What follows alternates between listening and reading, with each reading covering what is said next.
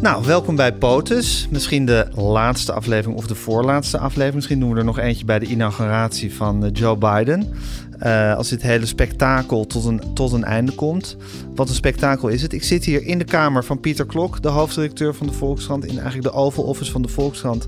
Samen met Natalie Wrighton en Pieter Klok zelf uiteraard. En aan de telefoon uh, Michael Persson. Michael, jij bent in Washington, neem ik aan? Ja, daar, daar ben ik inderdaad. Ja. Het is nu, als we dit opnemen, donderdagmiddag. Uh, uh, vertel even, hoe is na de krankzinnige avond uh, van gisteren, waarin het kapitool bestormd werd, hoe is de situatie nu in Washington? Ja, het is nu na, na, die, na die bestorming en, de, en, het, en het schoonvegen van het kapitool is, het, ehm, is er een avondklok afgekondigd. Dus vanaf 6 uur, 7 uur gisteravond was het was het ehm, een stuk rustiger in de stad. Eh, de meeste mensen, meeste Trump supporters waren, trokken zich terug in een hotel. In, met name in een hotelbar. En, uh, en, en genoten daar uh, van, de, van de overwinning of van de prestatie uh, in zekere zin. Mm -hmm. Ook al werd in grote lijnen het geweld veroordeeld, of in elk geval afgeschoven op Antifa-infiltranten die, dat, die daarvoor verantwoordelijk zouden zijn. Dat hoor je heel breed. Maar over het algemeen is het dus daarna rustig geworden. En het is nu hier in Washington donderdagochtend. De, de, de, ochtend na de, na de dag. En nu, ja, mensen zijn hun spullen aan het pakken, letterlijk. rijden, de meeste rijden terug naar huis. Um, en met, de, met de vlaggetjes van Trump op hun auto. Um, en ja, toch een soort omgekeerde triomftocht. zo voelt het wel. Ze hebben echt wel het idee dat ze iets een prestatie hebben geleverd. Of in ieder geval een, een statement hebben gemaakt. Nou ja, een statement was het ook. Leg eens uit wat je bedoelt met die Antifa-infiltranten, hoe dat zit. Deze supporters laten zich altijd voorstaan op het feit dat ze geen, niet gewelddadig zouden zijn of geweld afwijzen. En dus als er wel geweld gepleegd wordt, dan moet dat aan anderen liggen. En in dit geval is dan, ja, dus wordt dan vaak gewezen op op Antifa, die uh, zich verkleed als Trump supporters zou hebben gemengd tussen de menigte. En, uh, en daar de leiding zou hebben genomen over deze, deze doorbraak. Hoe zag jij het, Natalie, wat er gebeurde gisteravond? Ja, echt bizar, hè? Echt heel erg uh, dramatisch en, en verontrustend ook wel. Als, als je ziet dat zo'n boze menigte gewoon het, uh, naar mijn idee, een van de best beveiligde uh, uh, gebouwen ter wereld. zou je verwachten? Zou, zou je geval. verwachten, kan bestormen. Um, ja, dan kan het heel snel uit de hand lopen. We hebben het natuurlijk hier wel eerder over gehad. Hè? Van wordt het nou een burgeroorlog? Wordt het alleen een gewapende opstand? Hoe moet je dat zien? Nou, je ziet dus echt dat het een, ja, een kruidvat is. Ja, in ieder geval is het wel zo'n moment dat als wat er ook gebeurt, uh, als je erop terugkijkt, zou die avond van gisteren zo'n soort sleutelmoment kunnen zijn. Het moment dat het lont in het kruidvat vlam vatte. Nou ja, er waren natuurlijk heel veel alarmsignalen daarvoor al. Hè? Dus want Trump die heeft in december al aangekondigd dat woensdag 6 januari wild zou gaan worden. Um, hij heeft de afgelopen weekend ook weer menigte opgezweept om uh, de grootste, het grootste protest ooit in de Amerikaanse geschiedenis uh, mee te gaan doen. Dus ja, er zijn wel allerlei alarmsignalen. En of dat dan een sleutelmoment is, het is meer een soort, uh, het komt tot uitbarsting, zou je misschien meer kunnen zeggen. Ja, maar goed, in die zin, ik bedoel, het, het moment inderdaad waarop, waarop alles, de hele, de hele build-up daar naartoe, ja. ineens een soort van uh, zich ontvouwt. Ja, een soort samenvatting van Trumps uh, presidentschap, zou je misschien kunnen zeggen. Ja. ja. Ja, en we hebben het hier natuurlijk al eerder over gehad, Pieter, dat uh, Trump zijn karakter het nou eenmaal amper toestaat, denk ik, of zijn psychologie het amper toestaat om gewoon zijn overwinning toe te geven, of zijn, zijn nederlaag toe te geven. Ja, dat kan hij niet, dat gaat hij nooit doen. Nee. En het vond rust in dat heel veel mensen daarin meegaan. Ja. Uh, maar wat, wat ik ook wel opvallend vond, want het zag inderdaad uh, in den beginnen uit als een soort opstand in Rusland in 1991, hè, waar het parlementsgebouw wordt bestormd, of in de revolutie zoals we die kenden. Maar vlak daarna kwamen de beelden van binnen en daar liepen die demonstranten min of meer als een soort toeristen daar rond, foto's makend. Dus, dus ik had ook al vrij snel een dubbel gevoel. Ik denk, wat zien we hier nou eigenlijk? Uh, normaal als ze dan zo'n gebouw voorover gaan ze dingen slopen of, of gaan ze mensen aanvallen. Dingen omverwerpen. Uh, dat, dat zag je heel lang niet in beeld. Het is natuurlijk wel gebeurd op bepaalde plekken, maar, maar dat zag je niet eigenlijk. Dus het was ook wel weer een hele heel raar gezicht. Waar, waar, waarbij ik bij mezelf gaandeweg merkte. Ik dacht, nou ja, dit, dit gaat niet heel ernstig aflopen. Het was een soort verontrustend en knullig tegelijk. Ja, Ja. ja. Ben je dat met eh, Pieter eens, Michael? Dat het verontrustig en, verontrustend en knullig tegelijkertijd was? Ja, goed, het is wel doden gevallen natuurlijk. Eh, en eh, dat, dat, de, en dat, dat was. eh, nou, ehm, kennelijk voelde de politie zich zo zodanig bedreigd door die meute. Ik heb dat, die beelden gezien van die vrouw eh, die werd ehm, eh, doodgeschoten. En dat, dat ja, als je zo'n eh horde op je afkrijgt die eh, breekt door een eh, afscheiding ergens in een gang. Die vrouw sprong als eerste door dat raam en ehm, kreeg die kogel in haar, in haar hals. Dus dat was eh, bloody serious, uh, zullen maar zeggen. Ehm, en ja, er liepen er een aantal, aantal clowns rond die zich eh clownesk gedroegen. Ehm, en, maar dat is, ook, dat is ook op een intimiderende manier. Ik ben ook altijd bang voor clowns. Zij zitten, ze, gaan, ze gaan zitten op, die, op de stoel van de, van de, van de voorzitter van de Senaat. of de majority leader natuurlijk. En Pelosi. En eh, ze, ze bezetten die kantoren. Eh, het voelt toch, je, kan het ook zien als een soort verkrachting eh, van, een, van een ruimte. Weet je wel? Het, is, het is een hele officiële ruimte en er zit opeens iemand daar in jouw stoel achter de computer. Dus het is, het is ja, ehm, er zit iets ridicules in. En zeker met hoe sommigen zich hadden gekleed. Ehm, het is een, een rare cosplay, dus verkleedpartij vaak rond, rond dit soort evenementen.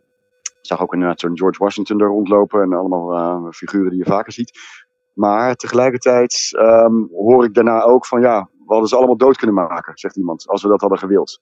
Eh, dat, dat, dus, dus, dus er zit zeker een dreiging achter ehm, die je wel serieus moet nemen. En ehm, nou Washington is natuurlijk een, st- een, een stad waar, eh, waar wapen, wapens dragen verboden is. Dus het, eh, nou, er waren weinigen die dat hadden, dus er een aantal zijn geweest. Maar ehm, ja, in, in, eh, in de provinciehoofdsteden waar deze mensen allemaal naar teruggaan, de staatshoofdsteden, eh, mag dat wel. Ehm, dus ja, met diezelfde energie en dynamiek ehm, kan het op andere plekken uit, uit de hand lopen. En dat het hier niet verder uit de hand is gelopen, dat is natuurlijk fijn. En Michael, hoe, hoe kan het dat het, dat het gebouw zo ongelooflijk onbeschermd overkwam eigenlijk op ons? Ja, dat is een grote vraag. Dat is een grote vraag. En dat hier, die vraag wordt hier ook gesteld. En eh, ik zag gisteren iemand van Homeland Security al, eh, al eh, ehm, met schaamrood op de kaken en naar toegeven dat er fouten zijn gemaakt. En eh, al alvast eh, voorspellen dat er koppen zullen rollen. En waarschijnlijk niet de zijne. Maar ja, ehm, er zijn een aantal individuele agenten geweest die zich, eh, die zich hard hebben verweerd. En is gevochten. Echt vuistgevechten bij, eh, bij die entreepunten. eh, en, en, en in de zalen. Maar ze waren met veel en veel te weinig. En dat is, dat is ongelooflijk als je ziet dat deze stad eh, gewoon dichtgetimmerd was. Dat elke winkel had platen voor de ramen. Dus iedereen wist dat er, dat er weer zo'n dag aan zat te komen. Ehm, ja, als je een beetje een binnenlandse veiligheidsdienst hebt, dan weet hij dat, dat er op, op sociale media al lang rondzong dat ze iets rond het kapitool wilden doen. En het kapitool was natuurlijk de plek waar het gebeurde. Dus dat ze daar niet een, ehm, echt een perimeter hadden, dus een, dus een, eh, een barrière of een cordon van een paar honderd man soldaten eh, of, en of politieagenten eh, rond het, politie, eh, rond het congresgebouw, sorry. Dat is, dat is ongelooflijk dat, ehm, dat ze dat niet hadden. Maar je zou, je, je zou toch verwachten, los van deze demonstratie, dat dat kapitool voor welke terroristische aanslag of woedende menigte op welk moment dan ook eh, als, een, als een fort verdedigd wordt. Ja, normaal is het ook eh, tamelijk moeilijk om er binnen te komen. Ik, ehm, en dat, maar ja, het is nog nooit geprobeerd met een menigte van, eh, van eh, duizenden mensen. Dus met, massa, met massa's kom je natuurlijk wel, wel heel ver. En het, rare was dat ehm, op heel veel momenten leek het gisteren ook op, op de allereerste ehm, rellen en de protesten na George Floyd, waar, waar ze toen dat politiebureau in brand staken. Maar toen, toen zag ik eigenlijk voor het eerst van ja, tegen duizenden mensen die boos zijn, ehm, Is weinig opgewassen. kan je heel weinig. eh, Kan je heel weinig. Dus, dus ook toen vluchtte de politie natuurlijk en liet dat eh, politiebureau achter. Dat was ook eh, een ehm, enorme schok in mijn ogen dat het gezag ehm, zo door de knieën, zo snel door de knieën ging eigenlijk. En in dit geval is dat, is, is dat eigenlijk ook normaal met als je daar in je eentje aankomt. Word je ge- gescand, gefouilleerd. En ik heb een keer per ongeluk in mijn rugzakje had ik een eh, aardappelschilmesje zitten, geloof ik, van een, van een picknick. Maar die, ja, dan, dan word je echt aangekeken alsof je inderdaad daar uh, Pelosi om zeep willen helpen. Dus... Nou, ik denk dat deels inderdaad dat ze het onderschat hebben. Want bijvoorbeeld met de inauguratie van Biden aankomende 20 januari zal het wel weer als een fort eruit zien. Hè? Dus ze hebben het deels onderschat. Er zijn 2000 agenten daar ongeveer die dat kapitool moeten beschermen. Maar ik denk dat onderdeel van het probleem ook is dat zodra duidelijk werd dat de situatie uit de hand liep, dat het veel te lang heeft geduurd voordat er versterking was. En uh, dan kan je een aantal mensen kan je dan inroepen voor hulp. En uh, één groep die je kan inroepen is de National Guard. Dus dat zijn de reservestrijdkrachten. Die vallen officieel onder het ministerie van Defensie. Maar de, de, geluiden die nu naar buiten komen, is dat uh, Trump niks deed dus het, het, het kapitool werd bestormd. En Trump is degene die daar dan uiteindelijk. De nou ja, goed, je moet toch de minister van Defensie dan opdracht ergens toegeven. Nou, wie is de baas van de minister van Defensie? Dat is hij, formeel. Hè?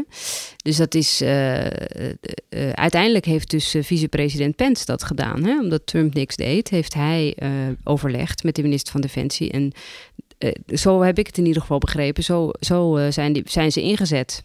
En, daarnaast ook extra agenten, toch? Nationale Garde was er, uh, die was er wel. En die wordt uiteindelijk, uh, volgens mij is dat een, uh, die onder staatsgezag. En in dit geval dus onder, onder burgemeestersgezag. Um, en die, die kwamen uiteindelijk uit een, uit een deurtje op het, op het balkon aan de achterkant. verspreidden die zich over, de, over het terrein. En begonnen ze mensen terug te, terug te duwen. En, en ook van binnenuit. Maar dat waren ja, dat waren een paar, paar honderd. Dat was het groepje van 340 mensen of zo, die volgens mij uh, de burgemeester inderdaad al een soort stand-by had staan. Maar er mhm. zijn uh, daarna toch met de hulp van uh, de minister van Defensie meer mensen en meer hulp ingeroepen. Heb ik begrepen hoor. Dus er zijn, er zijn mensen onderweg en die zijn vandaag aangekomen. Dus er kwamen, uiteindelijk zijn er van die 300 er zijn, er zijn er 6000 bijgekomen. Exact. Uh, uit New York en uh, Virginia en uh, New Jersey, dus de omliggende staten. Ja. Maar die waren er gisteravond nog niet. Die, nee. die zijn vannacht gekomen en die, die, zijn er nu. Nee, maar dat is toch de interventie geweest van, van Pence, toch? dat weet ik niet, maar die waren er, die waren er gisteren nog niet om, ze, om, ze, om de demonstranten weg te jagen. Toen hebben ze het gedaan met de mensen die ze hadden. Pieter, Pieter de, de scheiding tussen Trump en Pence, dat is toch ook alweer een soort koningsdrama in zichzelf, hè? Dat ze gisteren heeft uh, afgespeeld. Ja, eindelijk, net op tijd, kiest Pence toch eieren voor zijn geld, ja. lijkt het. Ja, nee, dat is wonderlijk. Nou ja, eieren voor zijn geld, of, of dit, dit was net één stap te ver uh, voor hem om, uh, om mee te gaan in, in de de belevingswereld van Trump. Ja, ik kan niet zo goed in zijn hoofd kijken. Maar het kan zijn dat hij nog serieus zich heeft afgevraagd of hij die benoeming in het congres kon tegenhouden. En toen bleek al vrij snel, denk ik, dat het gewoon niet kan. Die rol heeft hij helemaal niet. Hij moet gewoon volgend zijn, wat ik ervan begrijp, en faciliterend. Nou, dat heeft hij Trump toen op een gegeven moment laten... Dat vergeleken met degene die het briefje van de Oscars voorleest wie hem heeft Precies, gewonnen. Ja. dus, dus uh, dat heeft hij Trump op een gegeven moment laten weten... als je de New York Times moet geloven. En toen heeft Trump weer een verklaring uitgebracht... dat hij dat Trump helemaal niet had laten weten. Dus Trump ging ook voor het eerst Tegen voor Pence, Pence En toen kwam Pence weer daarna weer met een hele lange verklaring... volgens mij, waarin hij nog eens uitlegde... dat zijn rol puur ceremonieel was. En hij heeft hem ontvolgd op Twitter, geloof ja, ik. En, en, en, precies, en had hij, volgens mij had hij op een gegeven moment ook toch een plaatje van Anne En, uh, of, of, was dat dan weer oh, een, deepfake? Dat weet ik niet. Uh, maar goed, vervolgens kwam hij natuurlijk zelf in fysiek gevaar toen hij in die, het congres was en een inval was. En ik denk dat toen wel het moment was dat hij dacht: ik wil echt helemaal niks meer met die Trump te maken hebben. Ja, maar wat een, wat een, wat een drama drama, wat een, wat een spektakel ook. Ja, ik denk dat die Pence altijd heeft gedacht van... nou ja, als die Trump mij helpt om mijn doelen... Hè, die wat meer op het christelijke morele terrein liggen te realiseren... dan, dan maak dan ik daar gewoon gebruik van. En misschien word ik uiteindelijk zelf president... als hij nog een keer herkozen wordt. En dan in over vier jaar... En ja, en, en toen hij zag van ja, Trump uh, gaat, gaat het gewoon niet redden, dan, dan is er ook geen enkele reden meer om bij Trump te blijven. Kijk, dat, dat vind ik op een manier hoopvol. Want de meeste Republikeinen zijn opportunisten. Hè? Dus uiteindelijk sloten ze zich met gezonde tegenzin vier jaar geleden allemaal bij hem aan. En ze hebben hem ook heel lang gesteund, omdat het electoraal gunstig was. Maar nu die eenmaal ja, toch een beetje dead meat lijkt te zijn, of in ieder geval tijdelijk gaan die opportunisten net zo makkelijk allemaal weer weg. Weet je wel? Er is niemand in de Republikeinse Partij volgens mij die, die echt diep van Trump houdt. Of, of misschien Ted Cruz inmiddels.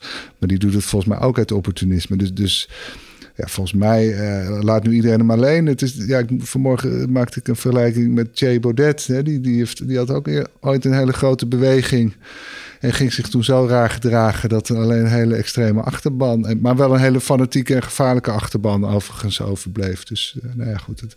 Heb jij dat gevoel ook, Michael, dat hij, dat hij geïsoleerd is inmiddels, Trump? Uh, ja, zeker iets meer dan, uh, of meer dan die, dan die was natuurlijk. Dat, dat voor, uh, voor, voor die Republikeinse enablers of, of meewerkers, dat het een stap te ver is wat er gisteren gebeurd is.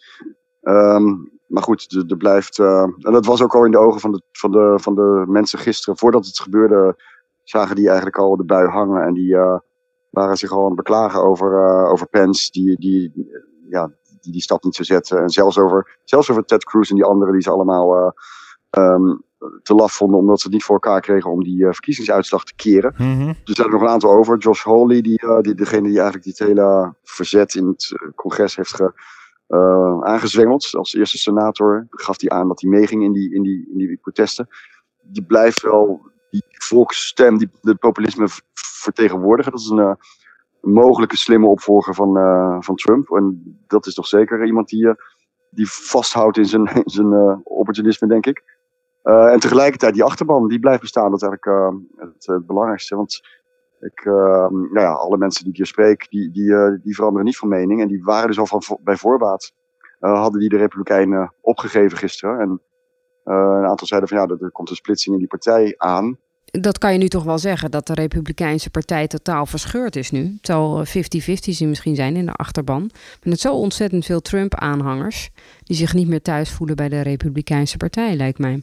Ja, dat klopt. Het zijn, ik las uh, in ieder geval vanochtend dat 45% van de Republikeinen uh, vindt dat de bezetting van het Capitool terecht was. Exact, ja. en dat, dat, dat is ongeveer, nou, dat komt overeen ongeveer met de eerste aanhang van, van Trump in, in 2016.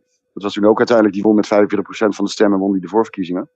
Ja. Dus daar, is hij, daar, daar komt hij weer bij terug. Dus dat is een hele harde kern van, van bijna de helft van de partij. Die nog steeds um, achter, uh, nou, achter, achter hem staat, zeker. En, en dus ook achter, um, achter de gebeurtenissen van gisteren. Dus de, dat is, um, ja, hoe, hoe, zich dat verder politiek gaat vertalen, dat kunnen we het zien. En zal zeker die spanningen binnen de Republikeinse Partij, die zullen blijven en misschien tot een scheur uh, leiden. Al denken we dat wel heel vaak al. Maar de, de, de beweging zelf, de energie en, de, en, de, uh, en ook de oprechte, oprechte geloof van al die mensen dat ze, dat ze patriotten zijn. Ik bedoel, we kunnen zeggen wat we willen, maar zij geloven dat ze, dat ze iets goeds hebben gedaan. Ja. En zij geloven dat en zij geloven dat die overwinning uh, gestolen is de overwinning van de, ze hebben het oprechte geloof dat ze, dat ze, dat ze, dat ze, dat ze genaaid zijn. Ja, en dat ze, dat ze, de, democratie, dat ze de, de democratie redden. Dus die, die bestorming van het kapitool was niet een bedreiging van de democratie, dat was de redding van de democratie. Dit was inderdaad een, een soort een climax. Niet alleen, dit ging, niet over, ging over veel meer dan die verkiezingen. In Amerika zijn die politici, die worden natuurlijk als swamp gezien. En de verstrengelde belangen tussen politiek en, en uh, bedrijfsleven en de enorme macht van geld die zat hier ook nog achter. Ze zeggen van die mensen vertegenwoordigen ons niet. Dus ze, en ze hebben nooit naar ons geluisterd. Stemmen helpt niet, blijkt nu. Dus uh, nu, zullen ze, nu zullen ze het voelen ook. En dat, is, uh, dat geeft uh, die mensen van gisteren het gevoel dat ze in hun recht staan. Wat wil jij zeggen, Pieter? Nou, mijn zoon uh, bleek medelijden te hebben met die demonstranten. Want die zei, ja, maar als ze dit echt geloven, dat de verkiezing gestolen is, is ook heel logisch. Dus ze hebben zelf niet door dat ze er helemaal naast zitten. Dat is toch eigenlijk heel tragisch. Maar wat ik een interessante vraag vind, hoe Joe Biden met deze beweging omgaat. Want het is 25%, is 25% die, die, levensgevaarlijk is. Hè, die bereid zijn de wapens op te nemen. Die ook bereid zijn om hem te vermoorden misschien wel. Hoe ga je daarmee om? Ga je dit als een terroristische organisatie oormerken? En net zo gevaarlijk als moslimfundamentalisten misschien? Of althans de extreme kanten daar. Dat, daar ben ik heel nieuwsgierig naar. Want, want dat is overduidelijk wat hier is misgegaan. Als ze dit al heel snel uh, als echt als terrorisme hadden gezien en beschouwd... dan hadden ze hele andere veiligheidsmaatregelen getroffen denk. Ze hebben het als een democratisch protest geïnterpreteerd. Uh, en, en, en ik kan me voorstellen dat dat, dat dat nu verandert. Maar tegelijk is die groep zo groot. Dat, dat als je die mensen terroristen gaat noemen, nou dan dat, dat lijkt me ook niet eenvoudig. Want dan organiseer je misschien weer extra tegenstand. Nou, ik denk, ik denk in elk geval wat, uh, zonder die grote woorden als ter, terrorisme te gebruiken, lang niet iedereen die, uh, die, die sympathiseert met die binnenstormers, die, die, die, die zouden ondervallen. Want die zullen zelf niet geweld gebruiken. Maar goed, dat heb je altijd met terreurbewegingen natuurlijk. Dat je heel veel sympathisanten hebt die verder braaf uh, zijn. Maar um, ja, ik denk dat wel een, een, manier zou zijn om, om, om de mensen die ingebroken hebben, om die, uh, ja, die zijn allemaal herkenbaar en vervolgbaar. Dus uh, als je wil laten weten dat het, dat, dat het niet mag en dat, we dat ze dit niet willen, dat ze hiervan geen herhaling willen zien, dan moet je gaan straffen. En dat kan, ja, er staan hier enorme straffen op, zoals natuurlijk op heel veel dingen in Amerika. Ja, maar in, het is wat ik heb begrepen in Nederland ook. Hè, als, je, als je de Tweede Kamer bestormt en uh, uh, wil voorkomen dat uh, een minister een besluit neemt of iets dergelijks, staat in Nederland gewoon levenslange gevangenisstraf op. Dat is echt gigantisch. Dus ik weet niet hoe groot oh, wow. het is in Amerika, maar het zou zomaar kunnen dat dat vergelijkbaar is. Maar dit kan natuurlijk een soort blijvende beweging worden, analoog aan de organisaties de ETA of zo. En, en, en zeker als je nu mensen opsluit, kan ik me ook voorstellen dat worden dan vrij snel weer martelaren. Dus ja ik, ik, vind, eh, ik vind nog wel. Wat zijn jouw verwachtingen, Michael, op dat terrein? Of, of loopt het niet zo ver op, denk je? Nou, nee, dat is wel een goed punt. Ja, nee, nee zeker. Ja, die, die mevrouw die natuurlijk uh, uh, slachtoffer werd, die doodgeschoten is uh, gisteren, die, die, ja, dat is een naam die, die al rondzingt. Um, als de, eerste, die, als de eerste martelaar van dit, van dit ja, verzet. Ja, ja, ja. En zij is een veteraan en een enorme patriot in haar eigen woorden. En ja, uh, was naar Washington afgereisd uit haar woonplaats om, uh, nou ja, om de democratie te redden. En om, God... Ja, dus echt een heel erg, uh, heel erg normaal figuur binnen, binnen, deze, binnen deze beweging. Die, dat zijn de, ook de vrouwen die, die, ja, die ik gisteren sprak en die, die ik in de hotels tegenkom. Dus die, gaan, die zitten ook gewoon met een wijntje aan de bar s'avonds. Maar ehm, ja, heel, heel fanatiek. In ieder geval in de zin dat ze zeer overtuigd zijn van, van hun gelijk en hun, en hun recht. Um, wat die, die vergelijking met ETA, dat is natuurlijk wel interessant. Ja, dat, um, dat je een, een, ja, een, een afscheidingsbeweging krijgt. Want dat hoor je natuurlijk ook heel vaak uh, rond dit soort, uh, op dit soort dagen. Mm -hmm. Tijdens om, om, om Amerika te splitsen. Um, en ja, nee, dat is geen gekke, geen gekke vergelijking. En het, het is zeker niet afgelopen uh, na, na vandaag, ook al zal het vandaag een beetje rustig blijven. Maar net sprak ik iemand die hier uh, met twee kinderen in de auto vertrok. Um, met de vlaggetjes van Trump op de grote Suburban Chevy. En, uh, en glimlachend vertelde dat, uh, dat ze nog echt denkt dat voor 20 januari um, er iets gebeurt. Wat weet ze niet, maar ze had het over iets met de militairen die dit allemaal wel in de gaten houden. Um, dat gaat voorkomen dat Biden president wordt. En ja, dat, dat, is, uh, dat geloof is, is, is nog steeds. En als dat dus wel gebeurt op 20 januari, dan zal ze geloven dat het, uh, dat het niet lang zal duren. Dus er zit, um, dit, is, dit, is, dit gaat geen dagen duren, geen weken, maar echt maanden of zelfs of, of jaren. En dat komt natuurlijk ook omdat die aanloop, die is ook niet van, van dagen of, uh, of maanden, maar is ook al iets van jaren en, en, en van voor Trump. Dus, dus daarmee, ja, het is, uh, ik ben, niet van de waarde, ik ben niet van de waardeoordelen, maar ongewis. Ik was ongewis. naar een woord dat, uh, dat objectief is. Ja, ongewis. Ongewis. Michael, um, uh, we laten jou weer even uh, door Washington dwalen om te kijken wat er, wat er aan de hand is. We praten hier nog heel even door. Ook omdat de telefoon een beetje stoort. Maar ook omdat jij natuurlijk ah, gewoon okay. nog belang, belangrijke zaken te doen hebt daar en demonstranten te ondervragen. en hou ons op de hoogte. Ja. En ik denk dat we hier rond de inauguratie van Joe Biden nog een keer zullen spreken. Als het daarvan komt. Als het, daar, als het daarvan komt. Want dat ja, valt nog maar zeer te bezien natuurlijk. Hou je haaks en Michael ja. daar. Doe ik, uh, dankjewel Gijs. Oké okay, Nathalie, laten we heel eventjes naar uh, wat uh, fragmenten luisteren van Trump. die we klaar hebben staan.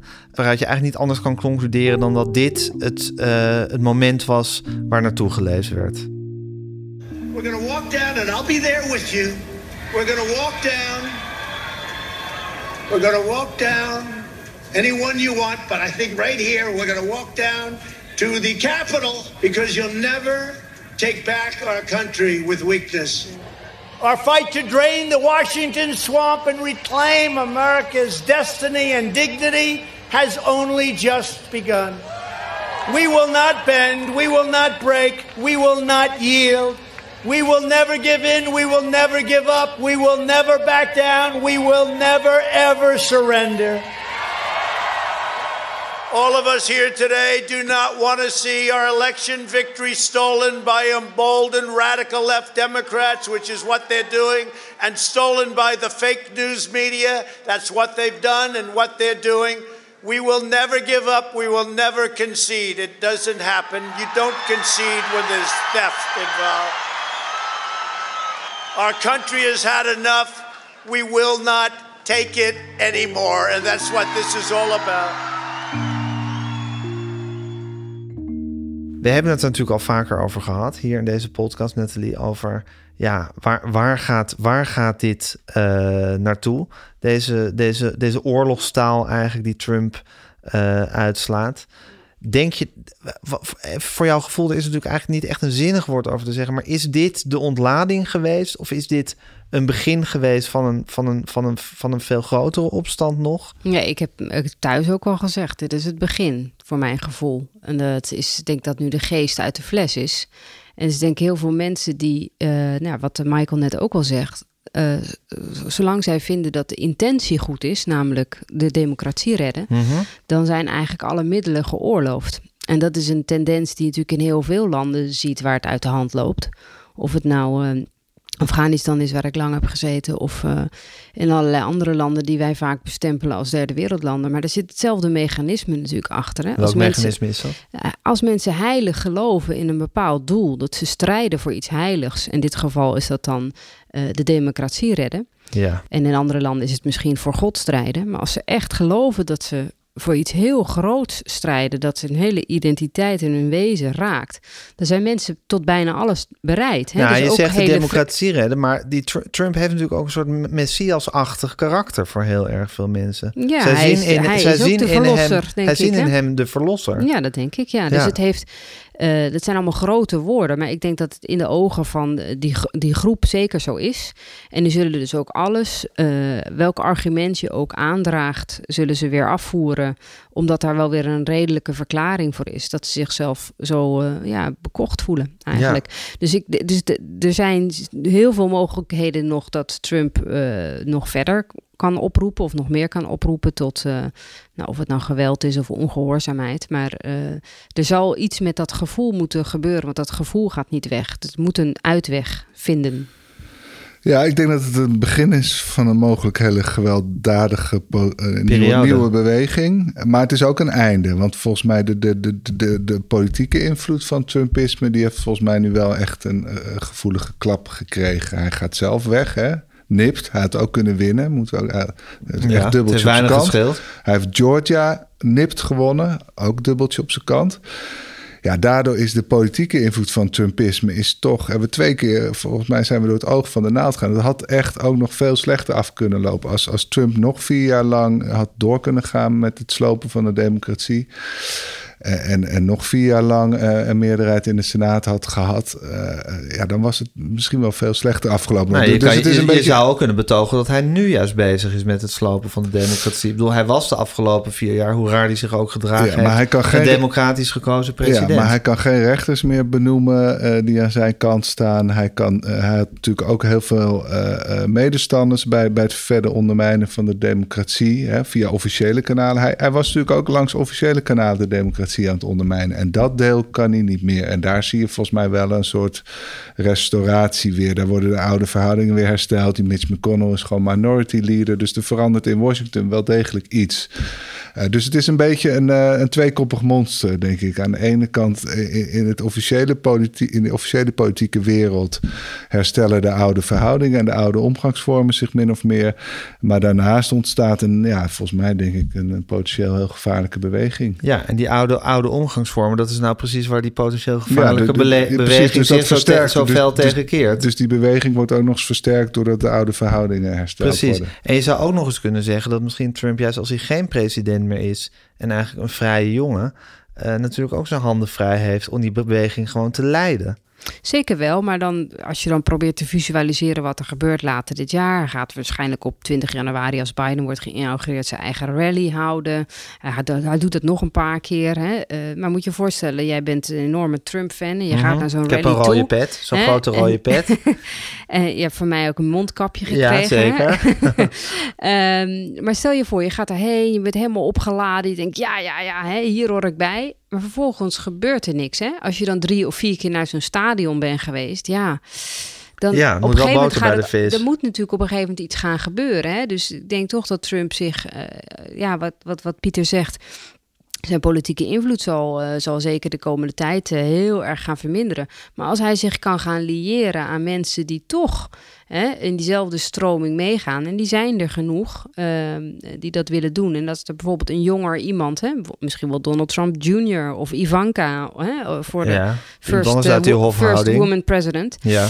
Ehm, ja, dan zou het zomaar kunnen dat, dat die gevoelens, dat die toch ook een soort ja, politieke stip op de horizon krijgen. Want zonder dat hou je die, die beweging niet levend. En het alsmaar bestormen van regeringsgebouwen, dat zal, niet, dat zal ze niet genoeg voldoening geven, denk je? Nee, dat Nee. lijkt me niet. Nee, Nee. Want dat wordt natuurlijk de kop ingedrukt, want het is gewoon eh, een misdaad. Dat is, dan word je strafrechtelijk vervolgd. Ja, en dan zullen ze die gebouwen wat beter gaan eh, beveiligen dan ze dat gisteren hebben, Ja, hebben gedaan. ja, Ja. en het puur plegen van aanslagen of gewelddadigheden, eh, eh, moordpogingen. Nou ja, eh, dit, dit is volgens mij was het laatste keer in Amerika, Oklahoma of niet? Dat dat was Ja, toch eh, toen ook. hè?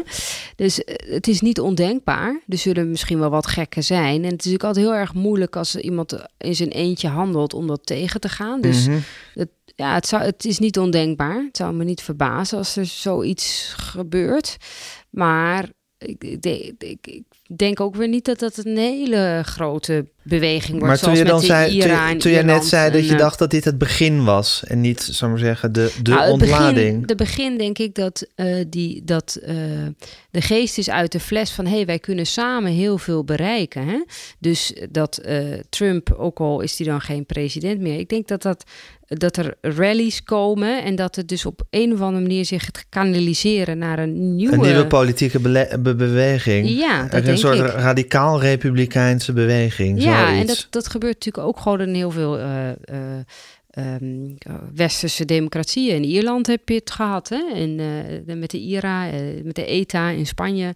Het is helemaal niet zo ondenkbaar dat er een, eh, een soort politieke beweging komt... en daarnaast een soort ondergrondse gewelddadige Maar beweging. dat, maar dat zou dan is als die beweging, hoe extremer die beweging wordt, hoe kleiner de kans dat ze ooit nog de helft van de stemmen krijgen, denk ik. Ja. Tenminste, hoop ik Ja. het Maar, misschien maar dat zal. Dat tevens die splitsing van de Republikeinse Ja, partij maar dan zijn. gaat Ja. de Republikeinse Partij voorlopig geen verkiezingen meer winnen, Nee. vrees ik. En, en, maar goed, de- de- dus het blijft gewoon heel gespannen. Dat is één ding eh, wat, zeker is. En hoe het precies zich verder ontwikkelt en welke facties zich zullen, zullen ontstaan en zich verder zullen ontwikkelen. Dat moeten we zien. Het verbaasde mij dat 50% van, van de Trump-aanhang dit een goed idee vindt. Om, ik had eigenlijk gisteravond gehoopt van, ah, nou, nu ziet echt iedereen welk monsters ze hebben gebaard. en wat... eh, eh, Nu zal de redelijkheid in toch, het, varen, het, dacht waren, je. het waren toch geen mensen waarmee je graag mee associeert, denk ik, als een gemiddelde Amerikaan. Dus, dus ik had echt verwacht Met die dat... soort hole mensen die daar door het kapitool aan Ja, het rennen beetje waren. wel. Al die mannen met baarden en Ja. die, hele strenge blik viel me wel op. Ze hebben daar heel veel baarden. In, in, in Europa staat een baard meestal voor een soort zachtheid Beschaving, en mildheid, Ja. beschaving aan Lada-rijders. Maar daar is, heeft de baard een hele andere lading. Maar ja, ik had niet het gevoel dat dat, dat de groep is waar je, waar je trots op kon zijn als, je, als gemiddelde Amerikaan. Dus ik had eigenlijk de hoop dat, dat, dat de Trump-aanhang eigenlijk, eigenlijk nu ook zou zeggen... nou oké, dit is te ver gegaan. En nu is het echt tijd om gewoon afstand van die man te nemen. Maar dat gebeurt elke keer niet. Dus, dus die liefde voor Trump. Maar je zag gisteren ook weer het geflirt, hè? Hij flirt gewoon met zijn aanhang alsof hij met een vrouw flirt. Ja, you're very special. I love you. Ja. Dat zijn hem... Wie spreekt zijn aanhang zo toe? Het was... En, en dat, dat, daar, zit, daar zit iets raars. En, en daar zit ook een soort... Ja, daar zijn we mee begonnen uit een soort magische aantrekkingskracht Ja. van die man. Hij, hij, hij loopt ze gewoon te versieren. Ja, en, dus hij loopt die oude mannen met baarden loopt hij te versieren. Door te zeggen, you're very special, we love you, enzovoort. Nou ja, ze zullen niet zoveel mensen meer hebben die dat tegen hem zeggen. Nee, maar het is toch wel fascinerend dat deze, dat, dat, dat deze hele politieke strijd, deze soort, soort, soort internationale kwestie waar we in zitten, uiteindelijk tot de, tot de, zuiver psycho, de, Ja. de zuivere psychologie Ja. van deze Dat- ene man is, terug te voeren. Dat is de rode draad in onze podcast. Ja. Dat is het. Dat, dat de psyche van één man een, een hele democratie eh, bij- aan het, bijna aan het wankelen aan het brengt. wankelen brengt. Ja, Ja. Het is ongelooflijk. en de orde in de wereld daarmee gewoon een- eigenlijk. Een, psychische stoornis. Maar goed, misschien, eh, ja, dat, eh, ik wil niet de jaren dertig erbij ha- halen. Maar Nou. zo, zo kan je er ook naar. Dat was toen misschien ook het geval. Ik denk het wel. Eh, dat, dat één iemand met een serieuze stoornis gewoon een hele Ja. land aan het rand van de Ja, afgrond een kan serieuze stoornis in combinatie met de, de gave om mensen te bereiken. En- de macht, En te hypnotiseren. Ja. Ja. Het is ongelooflijk. Wat hè? een verhaal, hè, Nathalie. Ja, zeker, zeker. Maar ja, goed, ik denk wel dat, dat we niet moeten onderschatten dat het alleen maar eh, gekkies zijn die achter hem aan blijven lopen. Hè? Nee. Dat zullen ook hele hoogopgeleide Nee, waren, en het mensen en zijn deel- waren het alleen maar die er, En deels is het een gerechtvaardigd sentiment. Hè? Ik bedoel, eh, die, die, die deplorables. Tuurlijk, nog nee, noemen. het is, Dus- het is dus- vruchtbare ah, bodem waarop Precies, eh, dus de- eh, dat maakt het ook zo moeilijk om het, om het goed te bestrijden, denk ik. Ja, en die arme, arme Joe Biden... Ja, nou ja, Joe Biden. goed. Ik denk dat hij wel eh, dat hij, dat hij denkt, nou, ik had op geen beter moment kunnen beginnen om het land eh, te gaan redden en eh, te gaan helen. Dat denk ik wel. Ja, Ja, als, je, als, als het hij inderdaad je hobby is om landen te redden en te helen, dan is het nee, maar hij, heerlijk. Maar, hij zal zich wel. Ik bedoel, ja, hij, hij, de- de- de- eh, heel veel mensen in het land zitten wel op hem te wachten nu. Op een hè, leider die ja, maar heel veel mensen zitten ook weer niet op hem te wachten. Nou, hij was wel heel Ja. krachtig gisteren, vond, Vond ik. je? Vond jij juist weer niet? Nee, ik vond hem niet zo heel ja, Ik vond hem krachtig. wel... Ja, maar goed, ik heb een laag verwachtingspatroon bij Biden. Dat ik denk, hij is al zo oud. Maar ik vond, wel dat, ik vond zijn speech krachtig. Ik vond ook wel dat hij de goede woorden eh, gebruikte. Ja, ik vond Eh, ook wel dat hij klonk als een staatsman. Ja, en eh, ja, god, maar ik ben geen Amerikaan. Ik dacht, hè, heerlijk, eindelijk weer een presidentiële president. Ja, Eh, dat is natuurlijk wel dat, dat, dat alles na Trump denk je van... oh, wat heerlijk dat er nu iemand staat die niet de hele tijd opruiende oorlogstaal maar aan wat het mist hij uitslaan eigenlijk, is. Gijs? Nou ja, ik vond dat, dat van, van... ik roep de president nu om op nationale televisie te zeggen dat dit niet kan. Ja, ik weet niet. Ik werd, ik werd er Beetje niet... loos. Dat is natuurlijk altijd het Nou rare ja, met speeches. Hij Ik- zet hem wel voor het blok, want hij ging wel, hè, Trump. Nou, hij ging een, een Twitter, een Twitter bericht. Nee, hij heeft een, eh, hij heeft een filmpje Oh. opgenomen. Wat ja, toen, eh, nee, dat, dat heeft hij getwitterd. Dat vind ik Ja. wat anders dan op nationale televisie, ja, is- in de Oval Office. Het heeft, dat, dan heeft het alweer een iets opruiender cachet, vind ik. Dat was dat, Ja. dat flirterige filmpje dat hij in die tuin Ja. stond te roepen... dat hij, Ja, dat hij zo stapel nou, gek was op al nou die ja, mensen. goed. Ik denk dat Twitter dat verspreidt zich sneller over de wereld dan nationale televisie in Ja, Amerika. en toch heeft het een ander gewicht Ja. dan als je in een live uitzending achter die... dan heeft het meer iets van Nou we zitten in ik zou crisis. ook zeggen, don't push it, weet je wel? Ik bedoel, Maar goed, dat is natuurlijk inderdaad een puur, een puur subjectieve kwestie of je vindt dat Biden... Maar jullie vinden dat Biden wel met gezag en gewicht... eh, Vooralsnog wel, ja. Kijk, hij krijgt een enorm moeilijke opdracht om, om deze 25% zal het ongeveer zijn. Die echt gewoon gelooft dat hij niet terecht verkozen is. Ja. Ja, daar moet hij wel iets mee. En Maar wat is, dat is niet zo duidelijk. Want hij zal ook hard moeten zijn, denk ik. Ja, hij krijgt het dilemma, moeten we, nou niet, dat is meer het Openbaar Ministerie natuurlijk. Maar moeten we die lui hard vervolgen? Hoe hard moeten we ze in de gaten houden? Eh, Dat zijn hele ingewikkelde keuzes, want daarmee kan je ook weer bijdragen aan een verdere escalatie. Ja. Eh, dus ja, ik, ik zou niet graag zijn schoenen staan. Maar goed, hij heeft wel een groot mandaat. Dat is natuurlijk het andere nieuws van gisteren, namelijk dat ze Georgia binnen hebben. Dus Precies. Ja, hij, hij, kan wel wat voor elkaar krijgen. Maar dat is ook weer een gevaar, want daarmee zal, is de kans groter dat, dat een deel van de Republikeinen zich nog meer eh, vervreemd Ja. voelen. ja, het ding is eigenlijk dat het, dat het niet zozeer gaat om het land regeren... van welke besluiten kan je erdoor krijgen enzovoort... maar eh, dat land weer tot rust krijgen. Ja. Dat, is, dat, dat is zijn opdracht Zeker. natuurlijk. Ja, en ik, ik- hij heeft volgens mij zelf ook wel eens gesuggereerd dat hij zichzelf een beetje ziet als een tussenpaus. Hij is al 74, hè? Dus de verwachting. 78 toch? 78, 78, ja, ja. ja. Dus de verwachting is wel eh, behoorlijk dat, eh, dat hij maar één termijn voldoet. Ja. Hè? En, eh, dus hij Twee heeft, termijnen is al boven hij heeft ook best wel de handen vrij om behoorlijk eh, eh, stevige ingrepen te doen. Ehm, eh, hij hoeft niet per se herkozen te worden. Hij zal alleen proberen de weg vrij te maken voor, eh, Ja. voor zijn Ja, vicepresident. maar goed, het gaat dus eigenlijk volgens mij niet eens om stevige ingrepen of... of, of, of Nou, mensen straffen, dat is, eh, dat is lastig om te doen. Ja, weet ik, maar hij zal dat zo moeten doen dat hij, dat hij, dat hij, dat hij, dat hij de harten wint van, van dat land. En ook van de mensen die nu zo tegen hem zijn. ja. ja, zeker. Ja, volgens mij moet hij niet te veel uitstralen dat hij er maar voor vier jaar zit. Je, want want een, in- een, een president heeft een veel grotere kans verkozen te worden als je het al vier jaar bent geweest. Dus ja, ik vrees toch Ja. dat hij moet uitstralen. Nee jongens, ik, ik ga hier voor de vol, volle acht Ja. jaar. Ik ga dit land Ik ga echt... tot mijn 86ste ga ik Ja. hier deze, deze hondenbaan eh, zitten volbre- volbrengen. Ja, er zit niks anders op. Hij moet het land helen. En dan moet je niet, want, want anders ben je na drie jaar alweer min of meer Nee, uitgespeeld. Of na twee gaan, jaar al. hij moet het ook niet gaan uitstralen. Maar ik denk dat de kans eh, wel aannemelijk is. Dat, eh, je moet er rekening mee houden dat eh, we ook een president Harris gaan krijgen. Ja, Ja. maar ik vraag me af of, of, of Harris ooit gaat winnen. Eh, in de huidige omstandigheden. Hij Maar kan goed. ook nog omvallen, hè? dus misschien hoeft hij Ja. niet eens te winnen. Nee. Eh, maar goed, nu zijn we wel heel ver vooruit aan het kijken. Eh, En dat mocht al geloof ik niet eens, Nee. vooruitkijken. Dat staat in het stijlboek van de Volkskrant. We krijgen nu zo meteen de inauguratie van, eh, van Joe Biden. Nou, dan zullen we nog één keertje terugkomen in deze Kamer, Mhm. denk ik, om hierover te praten.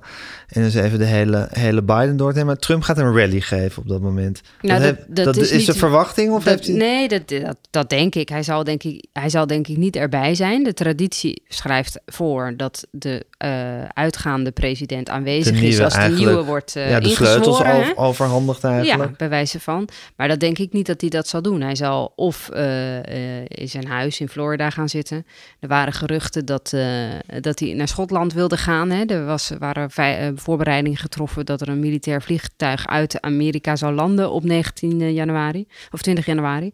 En de Schotse premier heeft al gezegd, eh, vanwege corona kunnen we dat allemaal niet toestaan. Dus nou goed, ik denk dat hij naar eh, Florida gaat. Maar ik vermoed in de hele Trump-stijl dat hij wel iets gaat doen om de aandacht af te leiden. Dus dat hij of een nieuwe beweging bekend maakt, of dat hij een rally geeft, of iets dergelijks. Vermoed ik. Wat ik heb jij, geen idee. Nee, hij heeft wel gezegd dat hij, eh, dat hij gaat meehelpen aan een soepele machtsoverdracht, toch? Eh, Ja. Vandaag. Ja, maar, Maar nee. dat, dat, is hij ook, dat zijn ze ook al de hele tijd weer een beetje aan het torpederen, die soepele machtsoverdracht. Ja, ik, ik heb eigenlijk geen idee wat hij op de dag zelf gaat doen. Ja, het kan Kijk, hij houdt wel van prestige. En misschien, vindt- misschien vindt hij het dan toch wel chic. leuk Kijk, om bij een rally te, of bij een, over, bij hij een inauguratie toch te zegt... zijn. ja, ik ben de succesvolste president die er maar vier jaar heeft gezeten. Want dat is nu zijn narratief, toch? Hij, hij moet wel ergens in gewonnen hebben. Dus hij probeert het nu zo te formuleren. Van, van alle presidenten die maar vier jaar hebben gezeten... was ik wel de, ben ik aller, de beste. allerbeste. Ja, maar Pieter, we hebben het hier nu lang over de psychologie van Donald Trump gehad. En ik wil het er heel graag nog heel lang over. Nee. Ik vind het fascinerend. Maar ik kan me gewoon niet voorstellen dat hij daar gaat zitten. En zoals, zoals, zoals Obama dat eh, vier jaar geleden toch heel gracieus heeft gedaan. Ja. Gewoon zwijgzaam zijn nederlaag gaat zitten slikken. Nee, ja, misschien als we hem onder de tranquilizer spuiten of zo. Of, ja, ik weet niet wat Ivanka nog bij hem kan bereiken. Ja, Melania, vlak haar niet uit. Hè? wat hij nog allemaal doet. Weet Ja, het. maar Ja. de zoons van hem zijn ook helemaal gestoord. Dus ja, de- de- Ja. ik, ik hoop dat iemand hem nog een beetje bij zinnen Jij krijgt. begon deze, deze podcast nog als een soort, ja, een soort mogelijke Trump-supporter. We moeten hem niet zo hard vallen. En hij heeft toch ook wel... Was ik een Trump-support? Nou, was nee, een Trump-supporter, maar je was heel zo van... Ik, ik- ben ik niet vind- zo iemand die de hele tijd Trump nee, afvalt. Ik vind dat je altijd een verschil moet maken tussen iemands karakter... wat moreel verwerpelijk is en wat hij precies eh, Heeft gedaan. heeft gedaan. En op buitenlands politiek beleid vind ik... ook omdat hij puur niks voor elkaar krijgt... valt de schade nogal mee. Hè? Hij is geen oorlogen begonnen als een van de weinige presidenten. Mhm.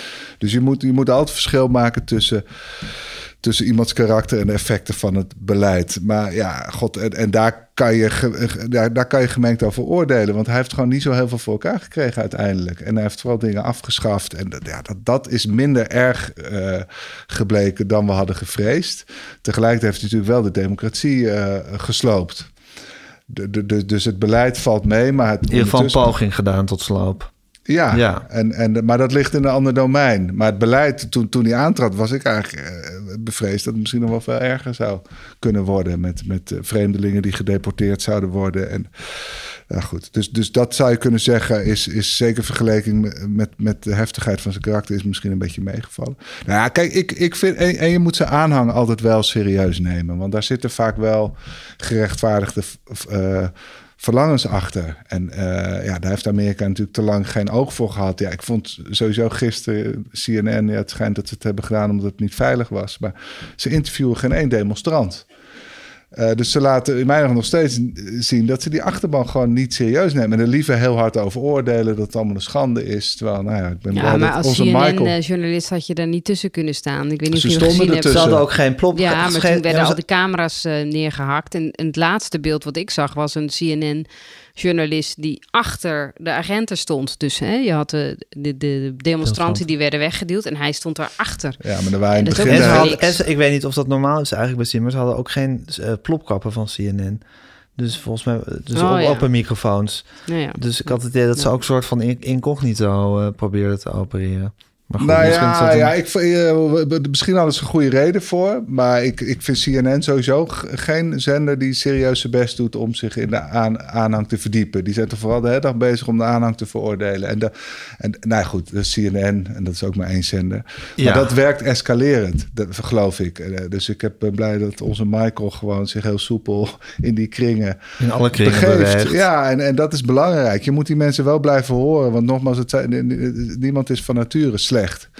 Eh, dus je moet altijd heel precies luisteren wa- Zeker, wat hun Ik gevoelens ben ik zijn. ook met je eens, maar dat is als buitenlandse journalist zoals Michael is dat ook nog wel te doen. Want dan ben je toch een beetje een rare alien die ze niet helemaal kunnen plaatsen. En dan Mhm. praten ze ook met je. Maar als Amerikaanse journalist denk ik dat de situatie zo gepolariseerd is dat het echt moeilijk is. Hè?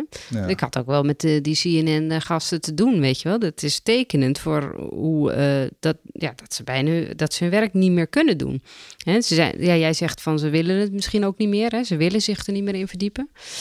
Maar het is ook wel deels, denk ik, op zo'n avond als gisteren, dat het onmogelijk was geweest. Nee, maar als jij een zender bent die die mensen consequent terroristen noemt, dan begrijp ik ook wel dat als jij daar Ja. als betoger echt denkt dat je daar iets goeds doet en een zender noemt jou consequent een terrorist, ja, dan, zou, dan ga je er niet zo snel mee praten. Zeker. Nou goed, het is. Dus we mo- mogen hopen dat de polarisatie wat minder wordt en dat ze toch eh, allemaal met elkaar in gesprek blijven daar in Amerika. Ja, Natalie, het had, even afsluitend, het had ook iets knulligs, die hele bestorming van dat kapitaal. Ja, vond je? Nou, er was geen plan, hè? Er was, niet, er was geen leider, er was geen plan, volgens ja, mij. het ziet er knullig uit. Maar ik denk dat, ja, misschien zijn we er ook gewoon niet meer zo ge- gewend aan. En denken we dat geweld of dit soort opstanden of Altijd. revoluties, dat het een enorme plan is, omdat we dat zo in films zien, zoals eh, Napoleon eh, iets bestormde of zo. Maar het is denk ik ook vaak knulligheid Rommelig. en rommelig. En, en, het ziet En er we doen helemaal- maar wat. Hè? We zijn bij het kapitaal, uit. we proberen gewoon naar binnen te lopen. Als hier Verdomd, een- het lukt. Als ze hier een Hollywood-film van gaan maken, dan ziet het er heel sensationeel uit. Maar dat is het helemaal niet. Nee. Hè? Ja, maar het is ook moeilijk. Dus die, dus, dus die knulligheid moet ik niet eh, verwarren met dat het ook minder gewicht heeft. Dat het niet serieus is. Dat het niet serieus is. Exact. Ja. Ja. Nee, en het binnenkomen, dat, dat schetste Michael, dat, dat is eigenlijk al de daad. Ik, weet- ooit ooit Ja. heb ik nog wel eens met Diederik Samson het ministerie van Onderwijs bezet. En dan moesten, we- werden we door hem door het water gestuurd en moesten we naar boven klimmen. En toen waren we binnen en toen wisten we ook niet wat we moesten doen. Je bent gewoon ook een terrorist. Waarom heb je geen levenslange gevangenisstraf gekregen? Ja, dat weet ik eigenlijk niet. Dat mocht toen nog gewoon. Dat vonden we nog leuk. Ja. Ja, maar het was het ministerie van Onderwijs. Niet het hart van de democratie. Nee. Ja, Ja, jongens. nou ja, maar goed. eh, het zijn wonderlijke dingen die er gebeurd zijn Ja, en gisteren. het, maar het moeilijke is, kijk, als het een georganiseerde poot krijgt, hè, van echt mensen die bij elkaar gaan zitten en weet ik veel bomaanslagen gaan voorbereiden, dan wordt het pas echt Dan hebben we weer een ander verhaal. En nu wordt er nog niks georganiseerd, want het was toch wel een vrij bond gezelschap Ja. wat daar naar binnen trok. Ja, maar Natalie die denkt geloof ik, nou jongens, dat kun je allemaal wel zeggen, maar dit soort, uit dit soort rommel eh, komen vaak de revoluties voort. Ja, ja. het zou kunnen. Het zou kunnen. niet, ik, denk, ik denk eerder dat is wat ik eerder zei, dat het gaat richting een, een politieke beweging van Trump en eh, een, een opvolger van hem. Ja. En een soort ondergrondse beweging die zich wel degelijk bezighoudt met geweld en dat soort dingen. Ja. We, we gaan het meemaken, jongens.